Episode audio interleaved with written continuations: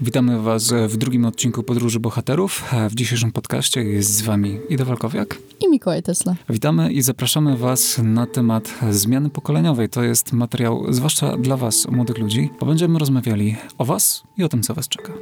Właściwie to nas, bo aż taki stary nie jest. Zapraszamy.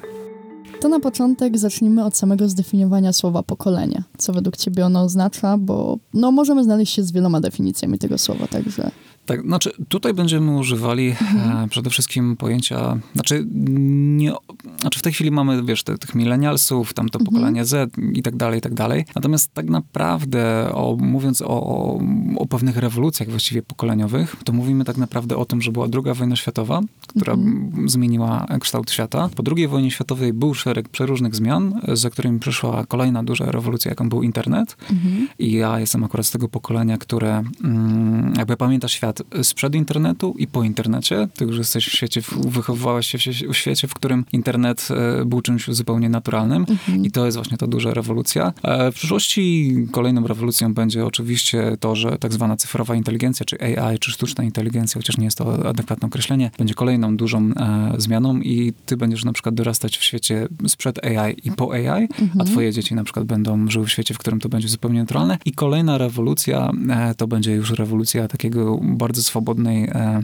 modyfikacji genów ludzkich, tego, że będzie można sobie dosłownie, nie wiem, zapro zaprogramować, nie wiem, e, ciało swojego dziecka, czy, czy jakieś jego predyspozycje i tak dalej, ale to, to, to czeka tak naprawdę, nie wiem, dzieci, wnuki. Znaczy, no już teraz mamy takie dzieci, które takie są możliwości są, takie możliwości są, tylko on jakby e, czas wdrażania się tych innowacji może nie, nie być taki szybki, bo, bo, bo, bo ludzie będą się dosyć mocno opierać, żeby to wdrażać, no bo jednak to jest modyfikacja genetyczna, wiesz, już nie, nie, nie wiesz, warzyw i tak dalej, gdzie już tam wszyscy mówią, wiesz, GMO, GMO, zło, a, a co dopiero, wiesz, o modyfikacji genetycznej ludzi, więc to jest, to jest zupełnie osobny temat. Natomiast no, nas najbardziej ukształtowała przede wszystkim ta rewolucja, cyfrowa rewolucja internetu. I myślę, że w tym kontekście trzeba mówić, że mamy pokolenie sprzed internetu i po internecie. Okej, okay, no to powiedz mi może na początku, yy, czy uważasz, że to jest e, może złe, to jest złe określenie, e, ale czy źle się z tym czujesz, że jesteś z tego pokolenia jeszcze przed tym internetem? E, nie, znaczy... Jak na to patrzysz? Bo jednak mamy inne mhm. spojrzenie mhm. na te dwie dziedziny. Ja już nie mhm. pamiętam tego czasu, także... Okej, okay, dobra, to, to jest trochę zabawne, bo się teraz staro poczułem. Przepraszam. A w każdym razie, wiesz co, pamiętam świat sprzed internetu i pamiętam, mhm. że był przede wszystkim bardzo, bardzo nudny był cholernie nudny. Tam e, bardzo wolno się wszystko działo. Pamiętam taki czas, że miałem może z 7 czy 8 lat, a moja matka jako bardzo oszczędna osoba, e, mieliśmy wtedy dwa programy w telewizji, bo nie chciała płacić za kablówkę, bo i tak tam nic nie ma w tej telewizji. Mm. I okej, okay, może nic nie było w tej telewizji, ale jeżeli ona była w pracy, ja siedziałem zamknięty w mieszkaniu i właściwie jedyne co było, to była telewizor, tam była jedynka i dwójka i w jedynce był, e, była, nie wiem, prognoza pogody dla rolników, e, no to to ja się pamiętam przeraźliwie, okropnie nudziłem. I tak się zastanawiam, czy to nie jest trochę tak, że, że właśnie to doświadczenie nudy w tym bardzo młodym wieku było dla mnie taką traumą, która sprawiła, że ja przez wiele kolejnych lat po prostu bardzo uciekałem od nudy i ja szczerze mówiąc nie pamiętam czasu, e, kiedy ja ostatni raz miałem okazję się nudzić, tak, tak, zwanego nic nie robić i nie mieć pomysłu, co, co ze sobą zrobić. Kiedyś to było zupełnie normalne. Dzisiaj wydaje mi się, że, że zupełnie normalnym jest tym, że, że właśnie, że ludzie się nie nudzą. Co więcej, ja rozmawiam z ludźmi właśnie, nie wiem, którzy mają 18-20 lat, czy na, wiesz, gdzie są więcej właśnie w twoim wieku. I to, co mnie zaskakuje, to jest to, jak mało wy macie czasu. Wy kompletnie nie macie na nic czasu, bo co chwilę macie coś i ja nie pamiętam, żeby za moich czasów tak było, a, a też mieliśmy w miarę dużo gdzieś tam, wiesz, zajęć i tak dalej, tam, wiesz, tam lektury, nie lektury i tak dalej. Szkoła też była jakimś tam obłożeniem, ale to, co my mieliśmy, to kompletnie jest nieporównywalne z zasobami czasu, którymi wy dysponujecie w tej chwili i to jest chyba dla mnie największe zaskoczenie i to, co się zmieniło, to, to jest to, że świat po prostu bardzo przyspieszył z powodu internetu. To jest chyba największa różnica. To uważasz, że ta zmiana, to wprowadzenie internetu jest y, tą zmianą bardziej pozytywną czy nie, negatywną? Znaczy, ja na internet patrzę po prostu jako katali katalizator zmian. Natomiast mhm. to, gdzie te zmiany będą poprowadzone, wiesz, internet to jest tylko i wyłącznie narzędzie. To jest tylko i wyłącznie pytanie do nas, jak my tego internetu będziemy używać, bo w internecie mamy dostęp do wszystkiego. I to jest wtedy tylko i wyłącznie pytanie do ciebie, co ty wybierasz. I to w zależności od tego, co ty wybierasz z tego wielkiego tortu, to jest kwestia tego, jak, jak i czym ty się najesz. I to, czym się będziesz najadać e, z tego internetu, będzie w dużym stopniu definiować ciebie, twój umysł, to kim jesteś, to, to, to czym żyjesz i, i, będzie też realnie przekładać się na, na twoje życie, wiesz, bo czas ucieka i to co, to, co ty z tym czasem, który ci ucieka, zrobisz, mhm to, to będzie definiować to, jaka będzie twoja przyszłość. Jeżeli wykorzystasz ten czas, żeby, nie wiem, oglądać pornola i walić konia, no to mówmy się, to z tego dużo, du, dużo z tego nie wyniknie, poza tym, że być może wpadniesz na przykład właśnie w objęcia takiej społeczności, tych, tych podrywaczy, czy trenerów gwałtu, o których opowiadaliśmy w pierwszym mm. odcinku. I to jest zawsze kwestia wyboru. To jest zawsze kwestia wyboru tego, co jest dla ciebie ważne, czym się karmisz i, i też między innymi po to jest ten podcast, żeby karmić ludzi właśnie jakąś dobrą, skondensowaną treścią o czymś, co jest ważne. Mhm. Okej. Okay. Na razie poruszyliśmy temat e, tego pokolenia przed i po, jednak e, no, skupiliśmy się jakby na naszych ramach czasowych. A co możesz powiedzieć, jeżeli chodzi o seniorów, którzy no, żyją teraz w tych czasach, kiedy jest ten internet, a tak naprawdę nie są w stanie często sobie poradzić z takimi rzeczami, które no, kiedyś były wykonywane manualnie. E, mhm. Często jakieś przelewy, jakieś inne rzeczy, które no tak naprawdę teraz wszystko jest no, wprowadzone do internetu. Będę brutalny, ale niestety taka jest ta dzisiejsza rzeczywistość. Adapt or die. Znaczy, mhm. dopasuj się albo odejdź. Wydaje mi się, że tu nie ma za bardzo alternatywy. Wydaje mi się, że świat się zmienił na tyle, że albo ktoś się w tym świecie odnajdzie, albo się w nim nie odnajdzie, no i nie będzie za bardzo miejsca dla, dla, dla tych osób. Każda kolejna rewolucja, ta odnośnie AI i ta odnośnie modyfikacji genetycznej, będzie ta sama sytuacja. Ludzie będą postawieni przed tą samą sytuacją i my na przykład będziemy w sytuacji, w której jeżeli pojawi się już to AI, to też będziemy w sytuacji, w której, wiesz, adapt or die, nie? Bo, no bo tak to po prostu wygląda. Więc szczerze, ja nie mam pomysłu na seniorów, tym bardziej, że ci seniorowie, ich za 10 lat nie będzie. Kiedy, wiesz, kolejne wielkie zmiany będą się działy, ich już po prostu nie będzie w ogóle, wiesz, więc, więc ciężko jest mi powiedzieć, co z nimi zrobić. To, to po prostu dać im po prostu w spokoju odejść z tego świata, bo oni i tak Brutalne. już... No tak, ale wiesz, oni i tak już musieli mieć straszny mindfuck. Wyobraź sobie, że wiesz, jest ktoś, kto, wiesz, dorasta w świecie, w którym radio jest wielką innowacją, mhm. które zresztą było dużą częścią tego, że Hitler doszedł do władzy, bo pojawiło się to nowe medium i on bardzo intensywnie to medium wykorzystywał. I wiesz, i, i kiedyś były gazety i radio było, było jakąś wielką innowacją, później telewizja była wielką innowacją i później pojawił się internet. I wiesz, chodzi to o, o to, że to nie tylko każde z tych nowych mediów było, mm, było kolejną wielką rewolucją, ale przede wszystkim też chodzi o to, że każda z tych rewolucji była coraz szybciej. Więc nie dość, że te zmiany były coraz większe, to one jeszcze następowały coraz szybciej. Więc ja i tak jestem w dużym szoku, że oni jeszcze są w stanie się odnaleźć w tym świecie, no bo ktoś, kto dzisiaj ma 80 lat, to, to świat, który oni pamiętają z dzieciństwa w stosunku do tego świata dzisiaj, to jest science fiction. To jest science fiction. To, że mózg ludzki jest w ogóle w stanie się zaadaptować do tak gigantycznych zmian, jak jest zawsze przez 180 lat, dla mnie to jest niesamowite. Znaczy, dla mnie to jest niesamowite, że oni są w stanie w ogóle jeszcze funkcjonować w tym świecie. Niestety to się oczywiście wiąże z określonymi kosztami i dla nich, i dla nas. No właśnie myślę, że teraz e, te osoby w takim wieku są najbardziej jednak pokrzywdzone, bo mówisz, świat się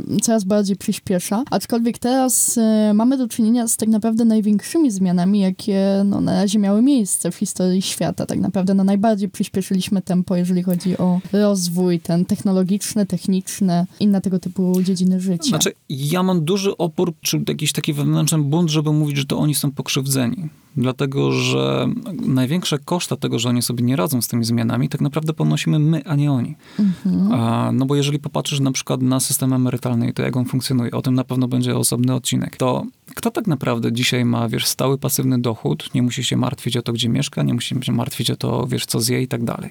No my czy oni? A kto za to płaci? My, bo to przecież idzie z naszych pensji. Idziemy do pracy, nam zabierają jedną trzecią pensji na dzień dobry w ogóle i to idzie na ZUS, a ten ZUS później daje to im. A więc w tym momencie, czy oni rzeczywiście są tacy pokrzywdzeni? Szczerze, no ja tego nie kupuję, bo ja dużo więcej kosztów widzę tak naprawdę po naszej stronie, a nie po ich. I to, że my mamy więcej czasu i więcej energii potencjalnie, znaczy czasu to nie, ale że mamy więcej sił i więcej energii do tego, żeby coś, e, coś robić w tym świecie, to nie znaczy, że, że oni mogą koszta swojego braku adaptacji przerzucać na nas, a to w tej chwili się dzieje. Więc szczerze, no to mówię, ja, ja nie zgodziłbym się z tezą, że to oni są pokrzywdzeni. Oni po prostu nie nadrabiają e, i nie wyrabiają na zakrętach, ale to jest jakby, no to jest ich wyzwanie, to jest ich życie. To, to, to do nich należy to, żeby się w tym ogarnąć i to nie należy do nas, żeby im współczuć, bo tak naprawdę to nam się powinno współczuć, a nie im. Aczkolwiek sądzę, że jeżeli chodzi właśnie o to, kto tutaj ponosi winę, to no jednak to jest już nasz świat to już e, ta technologia to jest nasz świat i my powinniśmy chociaż e, mieć jakąś powinność, aby ich wprowadzić do tego to świata. To jest dzisiaj w polityce. Jaka jest średnia wieku polityków dzisiaj? Jaka jest średnia wieku ludzi, którzy ustalają zasady gry, według których gramy w tym kraju? Świadomie. Są staruchy. To są staruchy, to są ludzie 50-60+. Plus. To oni ustalają tak naprawdę to, jak, to, jak wygląda ten świat. No bo co robi polityk? Polityk mówi ci, jak ma żyć, tak? Jak mówi ci, że masz płacić 1500 na ZUS, to płacisz 1500 na ZUS, a nie 400 na przykład, nie? Więc, no i, i, i średnia wieku dzisiaj w polityce to jest, no okej, okay, ostatnie wybory rzeczywiście trochę to ruszyły, trochę się zmieniło, rzeczywiście trochę więcej młodych ludzi weszło, ale to jest bardzo powolny proces i ostatnie 30 lat to jest ich robota. I to, jaki kraj dzisiaj mamy, to jest ich robota. Więc a, no jeżeli już mielibyśmy mówić o jakiejś winie, no to ono na pewno nie leży po naszej stronie to do nas należy teraz po prostu przejęcie odpowiedzialności za to i przejęcie pałeczki i tak naprawdę posprzątanie po tym, co oni zrobili przez ostatnie 30 lat z tym krajem i co w ogóle y, tak zwane baby boomersi, ludzie, którzy byli dziećmi tych, którzy po, po II wojnie światowej gdzieś tam przeżywali te, te, te, swoje historie, no my tak naprawdę musimy po nich posprzątać najpierw, a dopiero później będziemy w stanie, wiesz, budować, y, budować od nowa ten świat po naszemu y, i po swojemu. Prosty przykład. Politycy PiSu bardzo wprost mówią, że póki oni są u władzy, to nie ma czegoś, nie ma takiej opcji, żeby, e, żeby można było głosować e, w wyborach przez internet. Dlaczego? No, mam profil zaufany i co, i nie mogę pójść zagłosować przez internet? Dlaczego? Wiesz dlaczego? Dlatego, że oni wiedzą, że gdyby to wprowadzić, to oni by stracili kilka milionów głosów. Bo te kilka milionów ludzi, którzy nie poszli, oni by zagłosowali przez internet. I oni nie chcą, żeby te głosy weszły do systemu. Więc to jest świadome i celowe blokowanie tak naprawdę pewnego rodzaju innowacji. To jest właśnie bardzo charakterystyczne dla każdej dużej e, rewolucji, bo ona mhm. wywraca wszystko do góry nogami. Dobrze. Kończąc już trochę temat polityki, może... Mm, Jasne, to będzie osobne, odci odci osobne odcinki pewnie na ten temat. Chciałabym, żebyśmy się trochę pochylili nad y, kolejnym pokoleniem, bo powiedziałeś, mhm. że no, najpierw jest, było to pokolenie przed internetem, następnie pokolenie po, a kolejne to czeka nas już pokolenie modyfikacji genetycznych. genetycznej. E, ale to teraz chciałbyś pogadać o tych e, od sztucznej inteligencji tak zwanej, czy od GMO? Decyduj. Dobra, bo e, w następnym kroku, to znaczy tak. ci młodzi ludzie, zwłaszcza ciebie mhm. to dotknie, ty, ty, będziesz właśnie tym takim pokoleniem, jakby, jak ja byłem pokoleniem przejściowym, wiesz, w internetu, to ty mhm. będziesz pokoleniem przejściowym sztucznej inteligencji. My już dzisiaj mamy z tym do czynienia. Jak masz na przykład YouTube'a, to za mhm. tym YouTube'em stoją określone algorytmy. Tego, to, to, co tobie się wyświetla na, na, na stronie głównej YouTube'a, czy to, co sobie wyświetla w, w tym newsfeedzie na Facebooku, tego nie robi człowiek. To mhm. robią algorytmy, które oceniają, co najlepiej do ciebie pasuje i tak dalej. I ja na przykład jestem zaskoczony tym, jak dobrze dopasowane są do mnie reklamy na Instagramie. Ja jak przeglądam sobie Instagrama, to większość reklam, które się pojawiają, to są reklamy rzeczy, które rzeczywiście mnie zainteresowały w jakiś sposób. To już nie jest spam w telewizji, gdzie ktoś mi pokazuje jakiś serek, gdzie ja w ogóle nabiałów nie ruszam prawie, czy ograniczam ilość nabiału, tylko to są rzeczy, które mnie rzeczywiście autentycznie zaciekawiają i często są rzeczami zupełnie z osobnej rzeczywistości, czy z osobnego świata, który potencjalnie by mnie interesował, i dopiero ten algorytm mi uświadamia tak, że tak naprawdę, o, to jest fajny produkt, to jest ciekawy produkt, on mnie zaciekawił. I wydaje mi się, że to będzie tak naprawdę bardzo duża, duża zmiana, bo tak jak wspominałem, internet to jest taki wielki tort, olbrzymi tort, właściwie gigantyczny, z którego ciężko jest cokolwiek wybrać. Mhm. I to, co AI wprowadza, ta cyfrowa inteligencja, to jest to, że łatwiej będzie tobie podejmować wybory zgodne z tobą. Bo jak masz tą nieograniczoną ilość wyboru, to tak jak rozmawialiśmy, e, e, czy e, będziemy też wspominać przy okazji przyjaźni damsko-męskiej, że jak masz bardzo duży wybór, to jest ciężko podjąć jakąś decyzję, i AI służy do tego, żeby w oparciu o dane, które gdzieś tam, wiesz, zostawiasz i każda, każda rzecz, wiesz, którą przeglądasz, to, to ilu czasu na przykład poświęcasz na obejrzenie ob danego obrazka i tak dalej. To wszystko są dane, które można zebrać w jakiś spójny obraz ciebie i pomóc tobie dalej rozwijać, czy, czy, czy rozszerzać jakby jakąś tą, tą, tą, tą, tą bazę, powiedzmy, osobowościową, którą masz i to jest tak naprawdę ta największa rewolucja. I chodzi tak naprawdę w, w tych wszystkich trzech rewolucjach, internet, AI e, i, i modyfikacja ludzi genetyczna, chodzi tak naprawdę o to, żebyś jakby, żeby ułatwić ludziom maksymalnie bycie tym, kim chcą być i żeby mogli się dobrze czuć sami ze sobą. To w zasadzie do tego się sprowadza. Bo jeżeli, wiesz, masz, wiesz, ludzie mają dzisiaj mnóstwo kompleksów, nie wiedzą, kim są, nie wiedzą, dokąd zmierzają, to w pewnym momencie, wiesz, będą, wiesz, e, będą w stanie w internecie znaleźć każdą informację, którą potrzebują, żeby rozwiązać dowolny problem. To, że te rozwiązania gdzieś istnieją, może im zostać w ogóle podsunięte albo zasugerowane przez jakiś algorytm, a do tego na koniec wszystkiego e, to, co oni znajdą, będą w stanie wdrożyć bardzo bezpośrednio do swojego życia, modyfikując na przykład w jakiś sposób swój kod genetyczny czy cokolwiek. I to oczywiście samo nie wystarcza, no bo chodzi też o umiejętność jakby modyfikowania też tych, tego oprogramowania umysłu. Wydaje mi się, że to będzie chyba taka najbardziej, jakby kolejna, ta czwarta rewolucja, a, czyli ona już się dzieje, znaczy ona cały czas na bieżąco się dzieje i ona w sumie to najbardziej o to chodzi, nie? O to, żeby umysł ludzki był usatysfakcjonowany z, z, z tym, kim jest, z tym, gdzie jest i z tym, co robi i żeby każdy z nas mógł się po prostu czuć dobrze żyjąc, a nie, wiesz, tak jak teraz mamy tą ogromną ilość depresji, bo każdy z nas widzi, że okay, jest jakiś ogromny świat, do którego nie mam dostępu, po którym nie wiem, jak się poruszać, a w którym potencjalnie może być to, co mogłoby mi dać szczęście, a ja nie wiem, jak się do tego dostać, nie? I każda kolejna, kolejna rewolucja po prostu nas przybliża krok po kroku do tego, żeby było łatwiej to osiągnąć. Czyli powiedz mi, bo z tego, co powiedziałeś, wynika, że jakby te te kolejne rewolucje się trochę ze sobą przeplatają. Oczywiście. To tej osi czasu, gdzie obecnie się znajdujemy. Jak no. to wszystko jest już rozwinięte, jak to wszystko mhm. wyewoluowało? Dobra oficjalna oś czasu, bo to jest tak, że jest oficjalna oś czasu i nieoficjalna oś czasu. Mhm. Nieoficjalna oś czasu polega na tym, że już na przykład w latach 80. był serial Star Trek i mhm. właściwie wszystko poza teleportacją dzisiaj jest dla nas zupełnie normalne. To, że e, to, na czym to nagrywamy, to, na czym to jest nagrywane, to, że mamy tutaj stoper na, na, na smartfonie, którym tym smartfonem też można przeróżne rzeczy robić, to wszystko już w latach 80., kiedy ni, ni, nic z tych rzeczy, które dzisiaj są dla nas zupełnie oczywiste e, i nikomu się wtedy nie wyobrażały, wtedy były pokazane w tym serialu, a dzisiaj się okazuje, że, że są czymś zupełnie normalnym. I to dotyczy absolutnie każdej, każdej innowacji technologicznej. Znaczy te innowacje technologiczne, które my oficjalnie dostajemy, one już zostały stworzone, już zostały wymyślone 10, 20, 30, 40 lat temu i były przygotowane i są po prostu wdrażane krok po kroku do, do szerszego społeczeństwa. Więc teraz pytanie, czy ty mnie pytasz o oficjalną wersję, czy o nie, znaczy o tą oficjalną linię, czy nieoficjalną linię? No myślę, że możesz tak pokrótce pochylić się troszkę nad y, zarówno tą nieoficjalną, jak i oficjalną. Dobra, to może inaczej. Mhm. Oficjalna wersja jest taka, że w tej chwili teoretycznie inteligencja cyfrowa jest na bardzo raczkującym poziomie. Mhm. E, w rzeczywistości jest inaczej.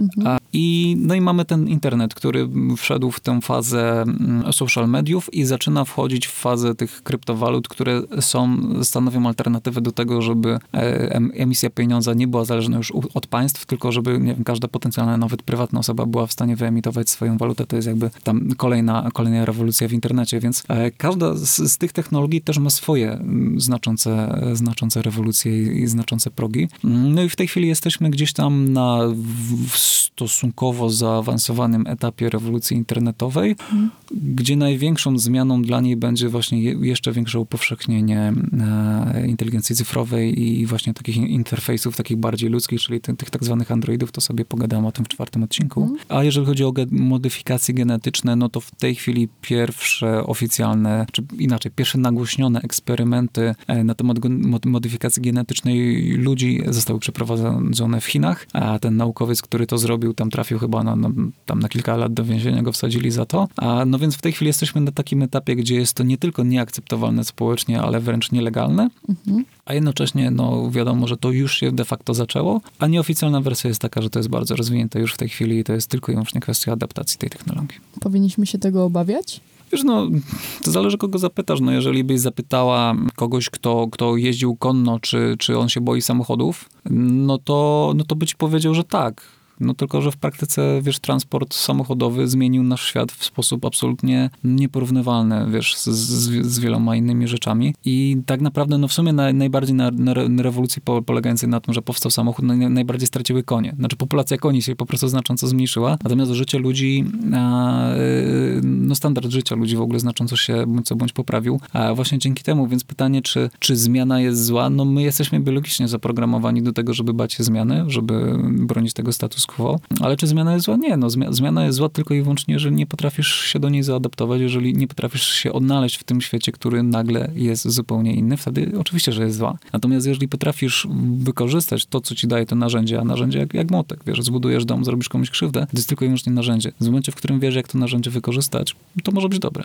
Więc to jest tylko i wyłącznie kwestia tego, w jakim kierunku ktoś tego używa. Będziemy już zmierzać do końca, więc powiedz mi, czy masz jeszcze jakieś takie ostatnie dygresje na ten temat? Temat pokoleniowy, tej różnicy pokoleniowe? Tak. E, ja przez 18 lat próbowałem, nazwijmy to, ratować czy naprawiać świat. Mhm. I wnioski, do których doszedłem, a są takie, że dzisiaj ten świat są w stanie uratować wyłącznie młodzi ludzie. Że moje pokolenie to jest takie pokolenie graniczne, które ma za zadanie wam, młodszym ludziom, pokazać w jakim kierunku świat zmierza i pokazać wam, że te starsze pokolenia już te, te starsze od nas, nie mają kompletnie zielonego pojęcia o tym, w jakim tym kierunku ten świat zmierza. Te scenariusze, które oni piszą dla waszego życia, są kompletnie do waszego życia nieprzystające i nieprzydatne, a i nie mają sensu. I dzisiaj jedyne, co możemy robić, to pomagać wam wyrwać się z, z tego wyobrażenia o świecie, którego już nie ma bo ten świat zniknął, ten świat odszedł i ten świat będzie odchodzić z roku na rok coraz bardziej. I to jest kwestia tego, żebyście wy się nie obudzili za 5-10 lat z ręką w nocniku, bo się okazuje, że poszliście ścieżką, którą przygotowali wam ludzie, którzy kompletnie nie rozumieją tego,